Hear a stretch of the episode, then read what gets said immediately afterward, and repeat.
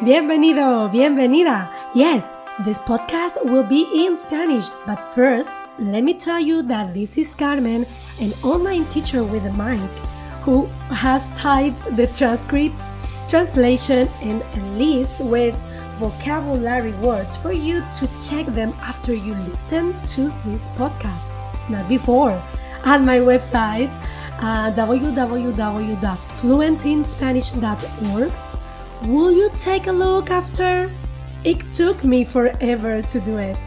This podcast is also a video, and the video version will be available at the link right above the transcripts, but about a week after I upload the podcast. Hola, amigos. Hoy tenemos un video podcast un poquito diferente porque tenemos a un profesor al que sigo desde hace tiempo que es profesor de español, examinador DELE y formador y asesor de profesores de idiomas online. Sergio Delgado, bienvenido. Eh, nada, muchas gracias, eh, Carmen, por invitarme aquí al, a tu podcast. Gracias a ti. Y mi primera pregunta, porque Sergio tiene tres webs que yo sepa. ¿Tienes más? A ver, tengo, no sé si habéis visto la de Beginners, tengo una clase de clases para español para principiantes, lo que pasa es que la tengo muerta ya porque apenas doy clases para principiantes. Sí. Pero está por ahí todavía, sigue viva. Sí, eh, pues esa no la he visto, entonces son cuatro. Son cuatro, sí. Bueno, cuatro y luego tengo otras donde también vendemos un curso de, de email marketing y tal, pero son páginas web que son páginas web de una sola página, o sea que están, no tienen movimiento. Vale. Y mi pregunta eh, es, ¿cuándo duermes? ¿Cuándo socializas? ¿Cómo distribuyes tu tiempo, Sergio? A ver, eh, yo llevo haciendo esto desde... abrí el blog desde 2015, o sea, todo lo que habéis visto es, son años de esfuerzo.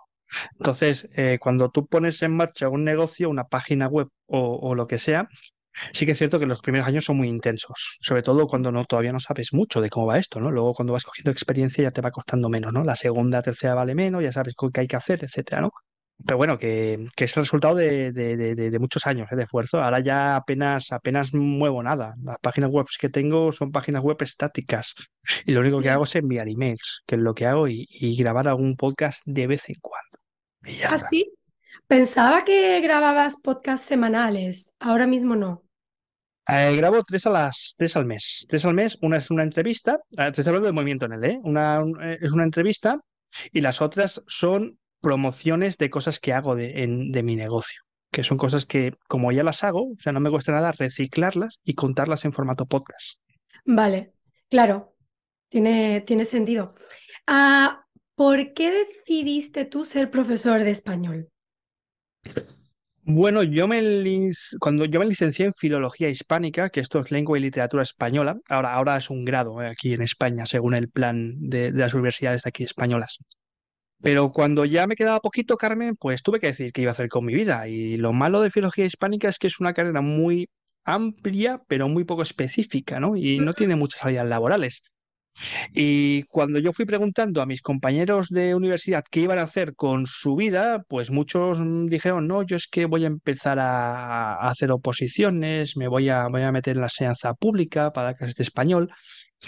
Yo tuve mala suerte y es que cuando me acabé de licenciar, pues había una crisis económica muy grande en España, había más del 50% de paro juvenil, no había casi trabajo y lo primero que deduje fue yo de aquí me largo, de España, que aquí no hay trabajo.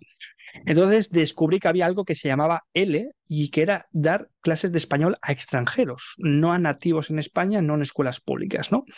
Y nada, eh, me formé en eso, eh, empecé a dar unas clases en una ONG para probar un poquito a ver si esto de dar clases pues me gustaba y una vez que vi que sí, que me gustaba, pues ya sí, ya me empecé a especializar en ser profesor de español para extranjeros.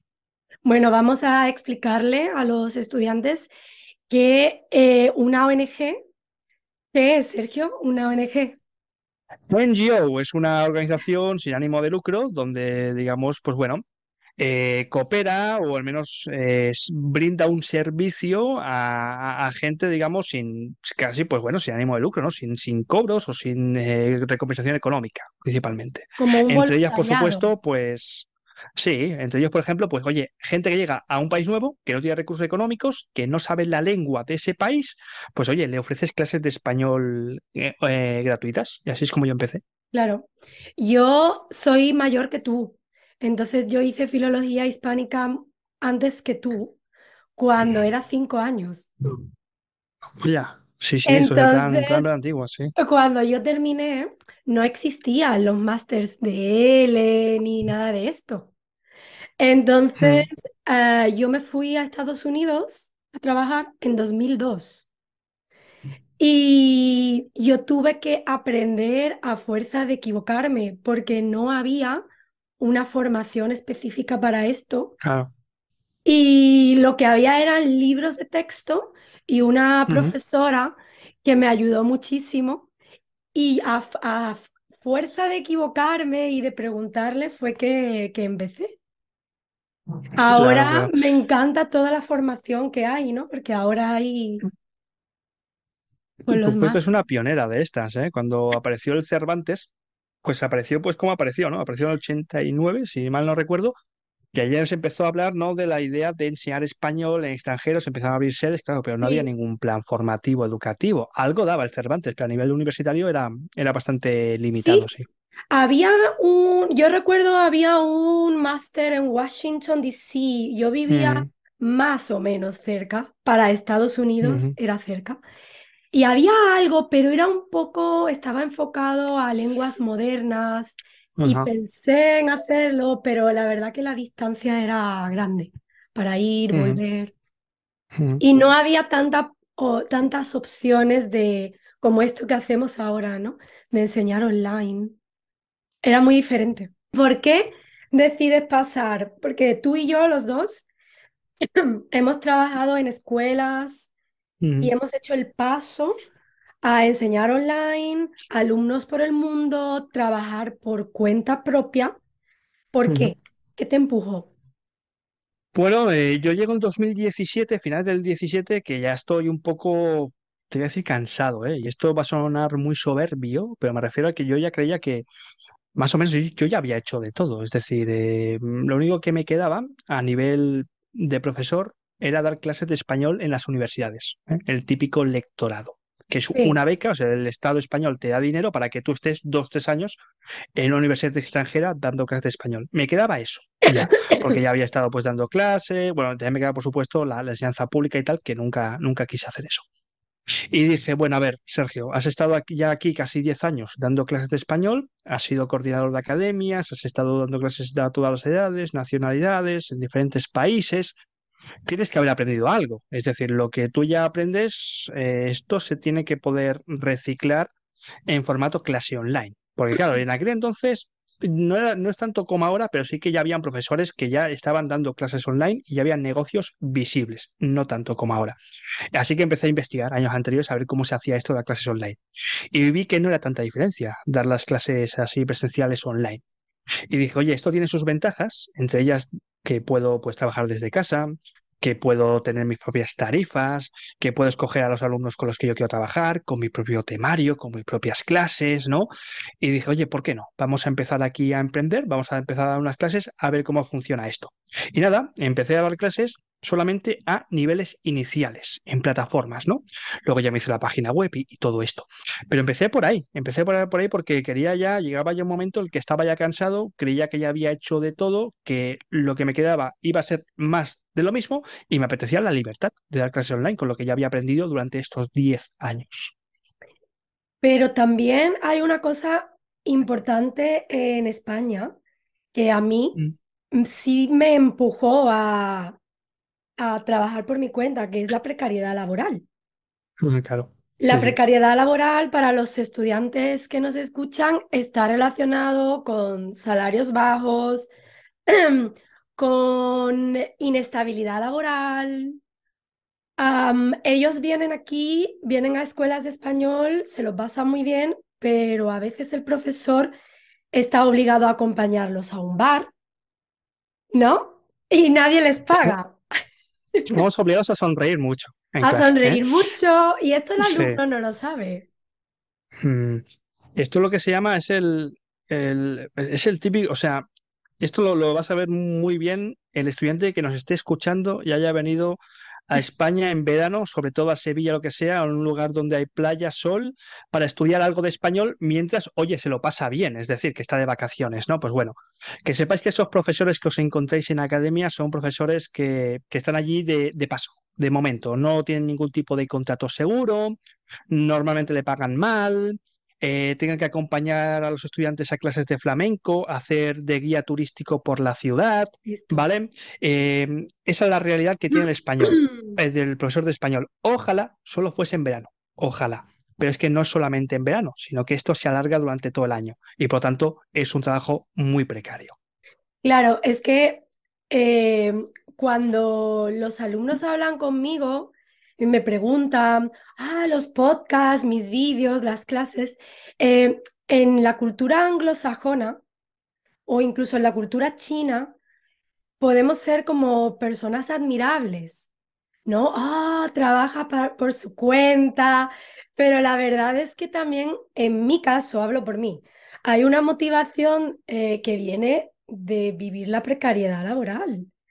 Entonces, una vez que dices, ok, ¿y si yo hago esto por mi cuenta y de, de repente descubres todo lo que puedes crear? A mí personalmente me emocionó Hmm. y, y me, Esto, sí, dime, dime, Carmen, perdona, bueno, que me emocionó y a, a partir de ahí me enganché a trabajar por mi cuenta, pero la precariedad Claro. laboral tuvo mucho que ver. Es que como, como profesores de español, o sea, estamos trabajando con una, con una materia que es el español y con una función que es enseñar español muy amplia. Yo creo que las, las universidades, sobre todo los másteres de formación, ya ni te digo cuando te vas a trabajar a una academia, juegan con, con algo muy limitado. Juegan con, pues bueno, unas clases, eh, tú impartes unas clases, creas material, impartes las clases y ya está. Y la verdad es que se puede hacer un montonazo, un montón de cosas con el español, desde podcast, desde crear vídeos, desde crear cursos online en diferentes variedades, desde crear grupos de conversación. Tengo también, conozco a gente que, profesores que se van al camino de Santiago con sus estudiantes, es decir, Ay, se puede hacer un montón de qué cosas. bonito, ¿no? Sí, Qué sí, sí, pagando, ¿eh? Ah, claro. pagado todo y todo. O sea, es como una excursión, ¿no? Es como una inmersión lingüística Sí. eh, en la que encima adelgazas, así que viene muy bien, sí. Sí. Bueno, pero necesitas entrenar un poquito previamente, ¿eh? Para eso.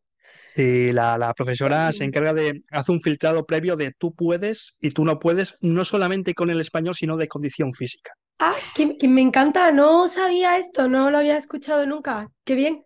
Sí. Y de todas esas cosas que se pueden hacer, una es eh, preparar a los alumnos para el DELE, que es una cosa que haces tú. Ah, para... Yo tengo muchos alumnos que no tienen ni idea de qué es esto porque estudian por amor al español. ¿Qué es el DELE, Sergio? Bueno, cualquiera que nos esté escuchando y, oye, eh, le apetezca tener, va- va- va- vamos a imaginarnos el típico estudiante que ya lleva años estudiando español, igual lo hace por amor, lo hace, yo qué sé, porque quiere viajar, lo que lo hace pues porque igual quiere conseguir un mejor trabajo, lo que sea. Y- y- y, oye, después de tantos años de esfuerzo, quiere un diploma, una certificación, un reconocimiento internacional que le valga en todos los países del mundo conforme ese estudiante sabe hablar español. Bueno, esto es el DELE. El DELE es un acrónimo que significa Diploma de Español como Lengua Extranjera. Es un diploma internacional reconocido en todo el mundo, en el cual una vez lo obtienes, nunca caduca. Lo tienes para toda la vida. Y es una forma de reconocer que tú has estudiado español y reconocer, ya sea pues quieras un trabajo, quieras una beca de estudios, quieras aprender español, quieras trabajar también aquí en, en España como enfermero, en los ministerios, tú eso lo puedes usar para conseguir todo esto que, que te, que hemos comentado. Sí. Y además de esto, iba a puntualizar que yo tengo alumnos que me piden hacer el DELE Mm. para tener una motivación y una meta en el tiempo, porque me dicen que no tienen fuerza de voluntad, pero Claro. que si pagan un examen para septiembre, No, esto te ocurre a ti. Sí, se fuera. Sí, sí, sí, sí. De hecho, lo, sí, me he encontrado casos, ¿no? Del típico estudiante que lleva años aprendiendo español, pero claro, nunca ha tenido ningún objetivo. Él va aprendiendo y tiene épocas. Hay épocas en las que estudia más, épocas en las que estudia menos, pero claro, una vez pagas para hacer el examen, ¿no? Para obtener el diploma, oye, ahí ya tienes unos meses para cumplir este objetivo, ¿no? Y yo, lo veo muy bien, lo veo muy bien porque eh, es ponerse unos objetivos de repente para conseguir algo que, que tiene mucha, mucha validez en todo el mundo. Claro. Y escuché el otro día en una entrevista a un profesor que el DELE es más un examen de, de estrategia que de conocimiento. Mm. ¿Tú estás de acuerdo en esto? Sí, sí, sí, sí.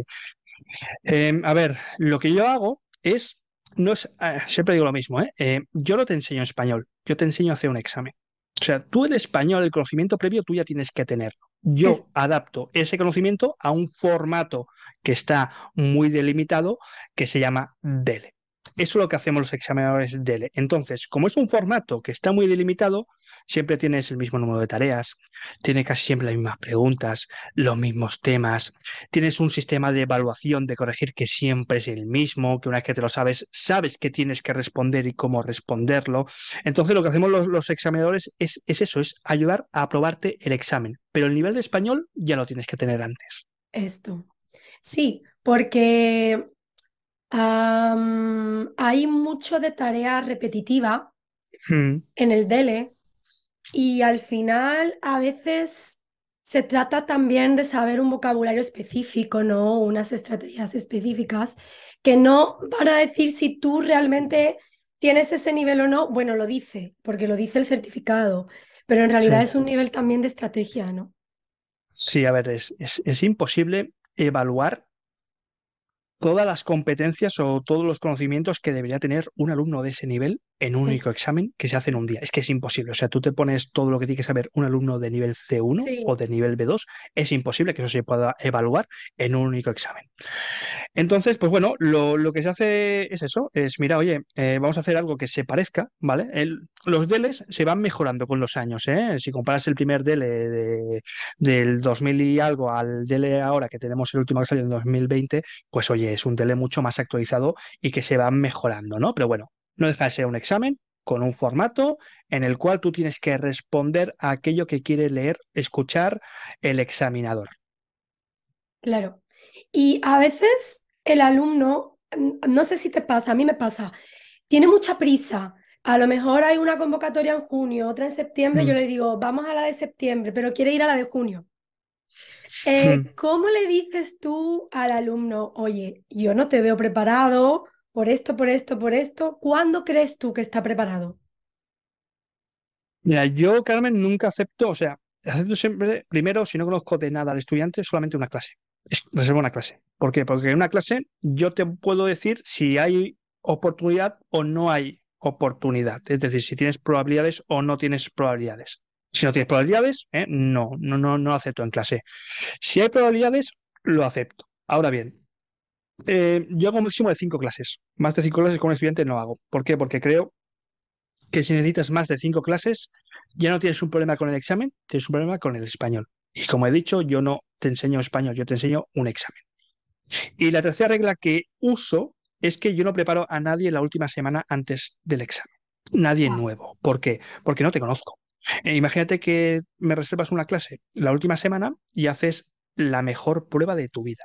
Y te digo, oye, pues lo vas a probar y luego lo suspendes. O imagínate que pasa el caso contrario, que eres muy bueno, pero ese, justamente esa clase conmigo te pones muy nervioso y lo haces mal. Y te tengo que decir, oye, no tienes posibilidades cuando igual sí que tendrías posibilidades. Entonces, yo siempre sigo esa, esa regla. Son cinco clases máximo conmigo. Primero tomas una primera clase para ver si sí o si no.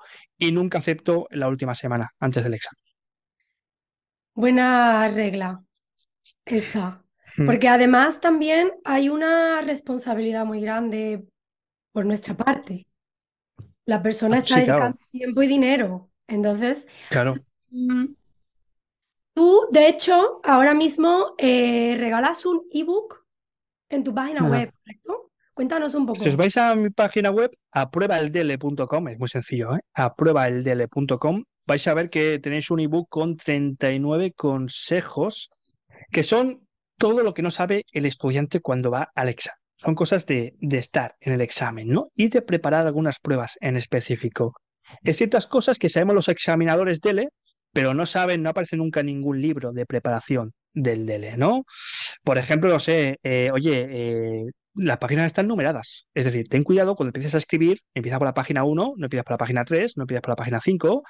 Eh, por ejemplo, también hay que tener en cuenta que las primeras dos tareas, la comprensión de lectura y la auditiva, la corrige una máquina, pero cuidado con las otras, porque las corrige un examinador, entonces tienes que mm, escribir de tal forma que lo pueda que, lo pueda entender. Es decir, son cositas que yo me he encontrado como examinador de él, los, cuando antes tenía que gestionar exámenes eh, para el Instituto Cervantes, que, que son errores muy tontos, errores un poco pequeños, pero que perjudican mucho al examen. Y son errores que deberíamos eliminar cuanto antes y que se solucionan muy rápido. Eso lo tenemos, lo tenéis en mi, en mi página web, en la prueba ponéis el email y os envío el ebook. Pero que me digan que vengan de tu, de tu parte. Si vienen que vienen de parte de Carmen, se lo envío directamente. Perfecto. Y ya está. Pues ya lo sabéis, ¿eh? Tenéis que ir a, su web y, eh, a pruebaldele.com, ¿correcto? Sí. Y decir que venís de, de mi parte. Uh, Sergio, antes no había tantos profesores de L. Bueno, el L, para los alumnos que no lo sepan, es la enseñanza de la lengua española, ¿no? Como lengua extranjera.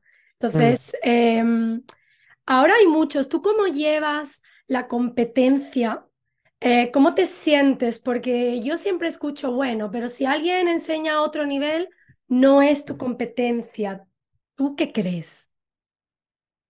O sea, ¿te refieres a, intrusismo, intrusismo laboral? Gente que no tiene... Sí, sí, porque es como, bueno, si alguien llega pero no tiene mucho nivel y enseña, eh, como tú has dicho antes, en nivel inicial, no es mi competencia porque yo enseño DELE. ¿Qué sentido nos perjudica o cómo te sientes tú ah. hacia esto? A ver, en el mundo online es diferente a cuando eres un profesor contratado. Yo digo que cuando en el mundo online, el que decide es el alumno. Eh, el alumno va a decidir si lo que tú haces está bien o lo que tú haces está mal, si le gusta o no le gusta, si eres un profesor competente o no lo eres. Y en el caso de que no lo seas, no te preocupes que no va a volver más por tus clases. Es decir, los alumnos que no están contentos se van, ya está. es que es así, es, es, una lección que ellos hacen, ¿no? A mí esto me parece mucho más natural que no, por ejemplo, en las academias, ¿no? Que a veces contratan a profesores que no están formados o que no pueden dar un buena, una buena clase simplemente porque igual resultan más baratos o porque se van a quejar menos. Em, por eso a mí me gusta el mundo online. Es un mundo, yo creo, mucho más justo ¿Vale? También eh, mucho más puñetero porque muchas veces los profesores no entienden por qué los alumnos no vuelven a clase y a veces no vuelven porque la clase no ha sido suficientemente buena. Entonces, esto hay que mejorarlo siempre. Siempre hay que formarse. Ya está, no pasa nada. Y experiencia, por supuesto. Entonces, al final, no es tan importante para un alumno online al elegir un profesor, en realidad se trata de probar, ¿no? Porque... Bueno, tiene, tiene, tiene que elegirlo. El, esto, esto que comentas es algo interesante, ¿eh? pero ya nos metemos aquí en cuestiones de, marketing y tal. Y es qué es lo que hace que un alumno acabe escogiendo a un profesor y no a otro. Eh, existen muchas capas, muchos niveles, ¿eh? pero existe una gran diferencia entre, el típico alumno que acaba de entrar en el mundo online, se acaba de unir a una plataforma, a una italki, Verbly, y ve un perfil que normalmente lo va a escoger por precio, a no ser que seas guapo, como nosotros somos, o alguien que te ha conocido por internet, tú ya tienes una marca online, ha estado consumiendo tus contenidos, el podcast, lo que sea, va consumiendo, va consumiendo, aquello le va gustando, le va gustando, hasta que llega un momento en el que te acaba comprando. Este segundo es un alumno fidelizado, es un alumno que ya te conoce. Entonces, él ya cree, tú ya, tú ya has dado la confianza suficiente como para que hacerle entender que tus clases son buenas. Luego él lo comprobará en las primeras clases cuando pague. Y el primero es un alumno en frío que igual te ha visto por el perfil, que igual contrata una clase y mientras contrata una clase contigo ya tiene contratada cinco más con otros profesores. Entonces eh, va probando. ¿Mm? Yo prefiero el segundo, vaya. Sí. ¿Y mm. algo más que quieras decirnos a los alumnos? ¿Algún consejo? Nada, que si os vais a preparar el DELE, prepararlo con antelación, es decir, yo, a ver, yo solamente os preparo para el, examen y siempre lo abro, mis clases lo, abro unas, un mes antes, un mes y medio antes para cada, para cada examen, porque el DELE es un examen que se va preparando en meses específicos del año, esto tenéis en la página web de Cervantes, escoged el mes que mejor os vaya, de hoy este mes mm, sí o sí me voy a hacer el DELE, ¿vale? Con dos, tres, cuatro meses quizá de antelación ir preparando vuestro español y cuando ya creáis que tenéis el español suficiente, eh, oye, empezad a reservar una clase del DELE, eh, a poder ser conmigo, que está muy bien. Entonces, pues, oye, eh, mm, con calma, hacerlo con un examinador, ni se os ocurra preparar el DELE por vuestra cuenta con un libro, porque os vais a dar cuenta de que solamente vais a poder preparar la mitad del examen. Es que tú la, la prueba de expresión escrita y la prueba oral no puedes hacerla. ¿Cómo, la corriges? No, no, no, pueden, nadie te va a escuchar, nadie te va a leer los textos. ¿Cómo corriges eso? Entonces, yo me encuentro casos de estos, ¿eh? Alumnos que se lo preparan solamente con el libro y dicen, muy bien al examen. No. El 50% del examen no lo has preparado. O sea, tú vas con la mitad del examen preparado. La otra mitad la tienes que preparar con un examinador. Es complicado, ¿no? ¿Quién va a corregir tus errores? ¿Quién va? Claro. No hagáis eso, no hagáis eso, no tiene sentido. Entiendo que todos queremos eh, gastar el menor dinero posible en algo así, pero al final la, el examen no es barato. Entonces, lo vais a tener que repetir. que pagar. Claro, claro, claro. Bueno, Sergio, pues muchas gracias por tu tiempo. Eh, ya sabéis, apruebaeldele.com. Si decís que venís de mi parte, tenéis ahí un, unos maravillosos 39 consejos. 39 consejos, sí. 39 consejos. Tan sencillo como vayan a la página web, ponen el email y el primer email que reciban, que es el típico email de bienvenida, ponen responder email y ponen vengo de parte de Carmen o soy alumno de Carmen, lo que sea, y yo automáticamente les envío el, el ebook en 24 horas, que no estoy todo el día enganchado a los emails, pero, pero lo envío. Ah, esto también me pasa, que a veces la gente no lo entiende. Pues muchas gracias, no te vayas, te despedimos para, para el podcast. Muchas gracias y ya sabéis que en mi página web tendréis la transcripción, la traducción y un vocabulario que vamos a extraer de esta conversación para que os ayude a mejorar el español en fluentinspanish.org. Hasta pronto. How was it? I highly recommend you to go now to my website fluentinspanish.org and make sure you understood everything by checking the transcripts and translation. Another thing you can do is start the next podcast by reading the vocab list first. I have it below the transcripts. Then listen to the podcast and then listen again and read. There are different ways to do it. You choose. Let's work together on your goal of becoming fluent in Spanish. Hasta pronto!